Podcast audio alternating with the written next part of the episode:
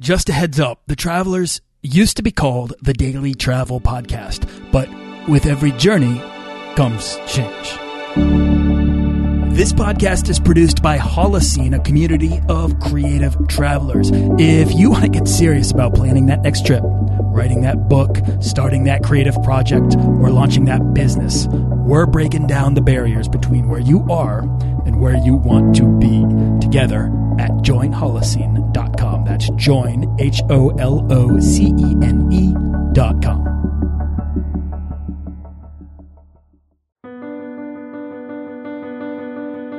This is part two of my conversation with Brett Love about sustainable green global travel and why it's so critically important. But also stay tuned through the end of this episode to hear how you can get involved and win some amazing travel experiences simply by helping prevent the poaching of rhinos in South Africa. Do you want to travel further and more often to visit new places and meet new people and expand the role that travel plays in your life? I'm your guide, Nathaniel Boyle, an explorer that wants to help you get out, see the world, and find meaningful, life changing experiences. Everyone wants to be adventurous and have great stories, to do the stuff of legend. This is the Daily Travel Podcast. Now, before we dive in, if you want to get started earning frequent flyer miles or points to travel for as close to free as possible, then you can head on over to dailytravelpodcast.com and sign up for the weekly newsletter and get my book, The Beginner's Guide to Points and Miles, completely free. In yesterday's session, Green Global Travel's Brett Love shared how a single transformational experience with an elephant while on safari changed the trajectory of Brett's entire life, from music journalism to travel media. Today, he's the founder of Green Global Media, a travel collective partnering with brands and destinations to shine a light on sustainable travel experiences around the world. So have a listen to part one if you haven't already, or sit back and enjoy part two of my conversation with Green Global Travels, Brett Love. I'm just curious then, what has creating Green Global Travel done for you personally as a person or as a couple over the past four years? Um, or as travelers even? Well, uh, a couple of things. First of all, it's made me completely insane because I'm way busier than I ever expected to be, and I work way harder than we ever did when we were working for other people. Um, but as travelers, it's opened up opportunities that we never would have had before. Um, you know, in 2012, we went on like 11 different trips to places like the Peruvian Amazon and the Galapagos Islands and Antarctica and Chile and Patagonia and Jordan and Churchill, Manitoba. And I mean, just all over the place. And it was a little, it was a little much because we still have normal lives. We have a house. I have a daughter who's with me 50% of the time. I have a dog. We have the normal quote unquote lifestyle, but it's also allowed me to live my passions and pursue my passions with a sort of, um, relentless drive and determination uh, that is way more rewarding and fulfilling than any work I've ever done for anyone else. And I mean, I worked for, you know, I worked for Rolling Stone and airline mags and hotel mags. I mean, I've worked for some pretty great companies over the years, but it's never been more rewarding and fulfilling than it is now. I'm not making as much money as I did when I was a full time, you know, freelance writer and editor, but I'm way happier. And um, for me, you can't you can't really put a price on that. Um, and it's also allowed me an an opportunity uh, to now make changes both in in the travel industry and in blogging uh, that I hope will benefit a lot of other people as well. I mean, you, you were asking about Green Travel Media. I mean, that's our for profit arm, uh, which we're doing, um, everything from coordinating press trips to, uh, uh, content marketing, social media marketing, sustainability consulting. And, uh, we just officially launched in, I think August was when we became an LLC.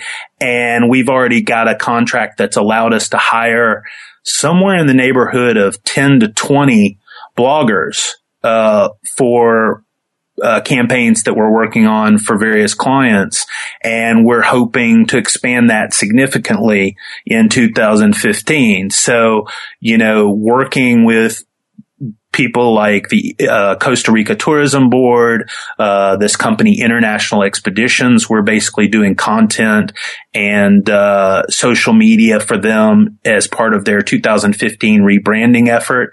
I mean, they're this amazing ecotourism operator. They've been around for 35 years uh, in the Peruvian Amazon, Galapagos, Africa, all around the world. And we've now got an opportunity where we're helping them uh, to rebrand and and reach a younger audience and and um, basically spread the gospel of ecotourism. So it the work that we're getting to do and the people that we're getting to do it with and the way we're able to help bloggers who have an interest in ecotourism and who are writing about it and and taking ownership of responsible travel uh, it's just, man, it's the best work I've ever done. And I, am I feel like I'm just getting started. Your clients then are largely going to be, are brands or destinations that want to highlight their ecotourism initiatives, right? Right, right. And exactly. and they hire you to do it because you you coordinate uh, campaigns with writers, with people that are kind of maybe on the ground or at least writing about their experiences to uh, really showcase the ways in which you can interact with either a brand or a destination in a way that's actually good for uh, right. and that, and, and that's one of the things, you know, with this international expeditions uh, contract we got. That's one of the reasons they went with us over a traditional agency is that, you know, anybody can go on the internet and research a destination and, you know, come up with the Wikipedia facts that you can put into a story. But with us, we're bringing in professional writers, many of whom have traditional media backgrounds, um, as I do. You know, I've got 21 years now of running magazines and newspapers and websites. So we're trying to sort of be the bridge between the traditional media and the new digital media and having people who have actually been to these places and experienced these cultures, you know, they're not just writing about go on this trip with this company and you can do this, this and this.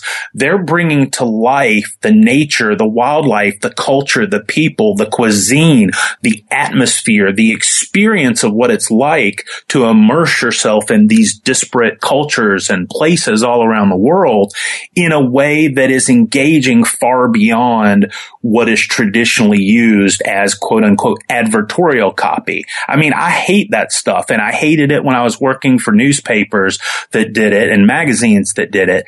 But now with like I said, with the, with the digital media world, we have so much more control. And through that, we also have the opportunity to reach travelers directly with these messages that can transform their lives. I mean, I honestly believe that you go to, to Africa on a safari, you go to the Galapagos Islands and you swim with a Galapagos sea lion. You go to the Peruvian Amazon and you see howler monkeys and all of these things within, you know, 20 feet of your boat. It changes you. It does. And, and anybody who doesn't recognize that probably has not done it. So for me, the ability to translate that experience in a way that brings it to life and encourages other people to travel more adventurously, first and foremost, but also responsibly and sustainably. It's it's the greatest work I've ever done. I'm I couldn't be more passionate about it. That's the thing I love to explore uh, around travel, which is that the the heart that lies within the stories of those who have found transformative experiences in their travels. To me, that's what this show is about. That's why I have you on, and I and I really asked you like maybe three or four questions about that moment you had in 2000 on that safari, Brad, because that's the moment where it was really your life was changed. And uh, to me, I love that. I love exploring exactly what's going on there because I honestly, because I'm, I'm, like you just said, I honestly believe that travel affords us the opportunity to find these stories and create personal legends for ourselves that really change not just our lives, but the lives of those of, uh, waiting for us back at home. Uh, and, I, I, get, you know, the goose, goosebumps hearing you talk about what you're just talking about right now, because that's, it's so powerful. Um, I want you then to just, I'm going to have to ask you to segue us into the work that you're doing with Rhinos Without Borders. Um, and, and what you're up to in South Africa, because I think it, it, it's a great example of everything you're talking about. Well, so we talked about green travel media uh, and green global travel, and one of my big goals right from the very beginning, you know, a role model for what we do is National Geographic. National Geographic is a publication, yes, but it's also a society of membership that encourages exploration, and they do a lot of work for, uh, you know, charitable work and scientific work and all of these things. So one of our goals has always been to not just be a publication, but to be a mission outside of the publication itself. So Green Travel Media yes, it's a business, but we also are going to be doing charitable initiatives. And this is our first big, like I said, we launched in August. So we're just kind of getting started, but this is our first big charitable effort. And basically we're partnering with Travelers Building Change, which is a travel bloggers driven initiative. Uh, annual fundraising initiative. And we're partnering with them and we're working with Rhinos Without Borders. Rhinos Without Borders was started by uh, famed National Geographic. Uh, I can't remember if they call them Adventures in Residence or Explorers in Residence, but anyway, uh, uh Derek and Beverly Joubert uh, they're from South Africa. They're living in Botswana. They're famed as wildlife photographers and videographers. Uh, they they got a lot of attention a few years ago because they were uh, behind National Geographic's Big Cat initiative, which basically worked to help conserve uh, lions and leopards. And other big cats from uh, poaching and habitat loss and the other things that are endangering them. Well, this year they've decided to put their considerable muscle behind Rhinos Without Borders, which is a project that aims to raise money to purchase and translocate 100 endangered rhinos from South Africa, where poaching is atrocious and getting worse by the day, to Botswana, where they live, uh, where poaching is virtually non-existent. Um, to do this, I think they're trying to raise somewhere in the vicinity of 4.5 million dollars. I'd have to check the stats on that. But Travelers Building Change and Green Travel Media, we are partnering to enlist uh, travel bloggers, which we've got about 110 so far, but we're hoping to get up to around 150 by the time the campaign launches in full. Um, and those bloggers are going to work together uh, we're going to get uh, sponsors to donate prizes, which we've already gotten international expeditions to donate a trip to the Galapagos Islands. We've got some uh, wooden watches from WeWood. We've got some luggage from eBags, and we're seeking out more sponsors in, uh, as we go along to donate prizes, which we will then raffle off to donors. And we are trying to raise forty-five thousand dollars which will be the amount it takes to translocate just one rhino which is the hashtag we've created for this campaign. Unbelievable. $45,000 to, to relocate one rhino. yeah. I, how do you, I get that's it's uh, just to move one. I can't even picture how you move a rhino in my head. I guess you, you put it in a truck or something. Yeah. there, there's drugs involved because you don't want the rhino getting ticked off in the process. Mm-hmm. Uh, so they got to get, uh, you know, they got to be, uh, anesthetized. Is that the right word? That's yeah, right. I think that's it. Um, you know, and they've got to have lots of medical supervision and, you know, they've got to create the bomas and the, the places where they will be moved to. So there's a lot involved in it, but we, we really see the idea of moving a hundred rhinos away from uh, where poaching is worst in South Africa, we see this as a huge monolithic undertaking to save the species. And the rhino is one of the species that I saw and loved when I went to South Africa back in 2000, yep. Kruger National Park, I remember seeing a mama and a baby and just thinking how they were so sweet and gentle. They were like big, oversized, armored cows, you know? yeah. And Are. And I just, yeah, ever since then, you know, obviously everybody loves the big five. I mean, people have been going to Africa for over a hundred years to see the big five and they're seriously in danger and rhinos are in the worst danger right now because of the numbers and the rate at which they're being poached. And so for our first charitable initiative, we could not think, you know, and of course I mentioned before National Geographic was a huge influence on me. So the opportunity to work with a National Geographic uh, explorer couple and to work to save rhinos, to work to save them from a place that inspired me to want to travel more uh, almost 15 years ago now, it was just the perfect opportunity. And so we're really excited to see what we can do. Brett, let me ask you. Well, first of all, this is really exciting. I mean, this is an epically massive contest that you're putting together with a ton of prizes, um, and so I'm really impressed that you're that you're you know helping to wrangle this thing together um, for a really important problem. I've also had similar experiences seeing rhinos, ex uh, experiencing them, and knowing when I'm seeing one that there are only thousands of them on Earth. You yeah. know, it's just insane. But you know, like one here's one of the things. I mean, where I live, um, we had one year we had a lot of rabbits, and then the next year we had a lot of coyotes, right? And then, then or coyotes. Um, and then one year we had seals, and then now we have, we have a lot of great white sharks. I'm wondering why won't the, you know, because it seems like predators follow prey, and what what makes Botswana safer than South Africa?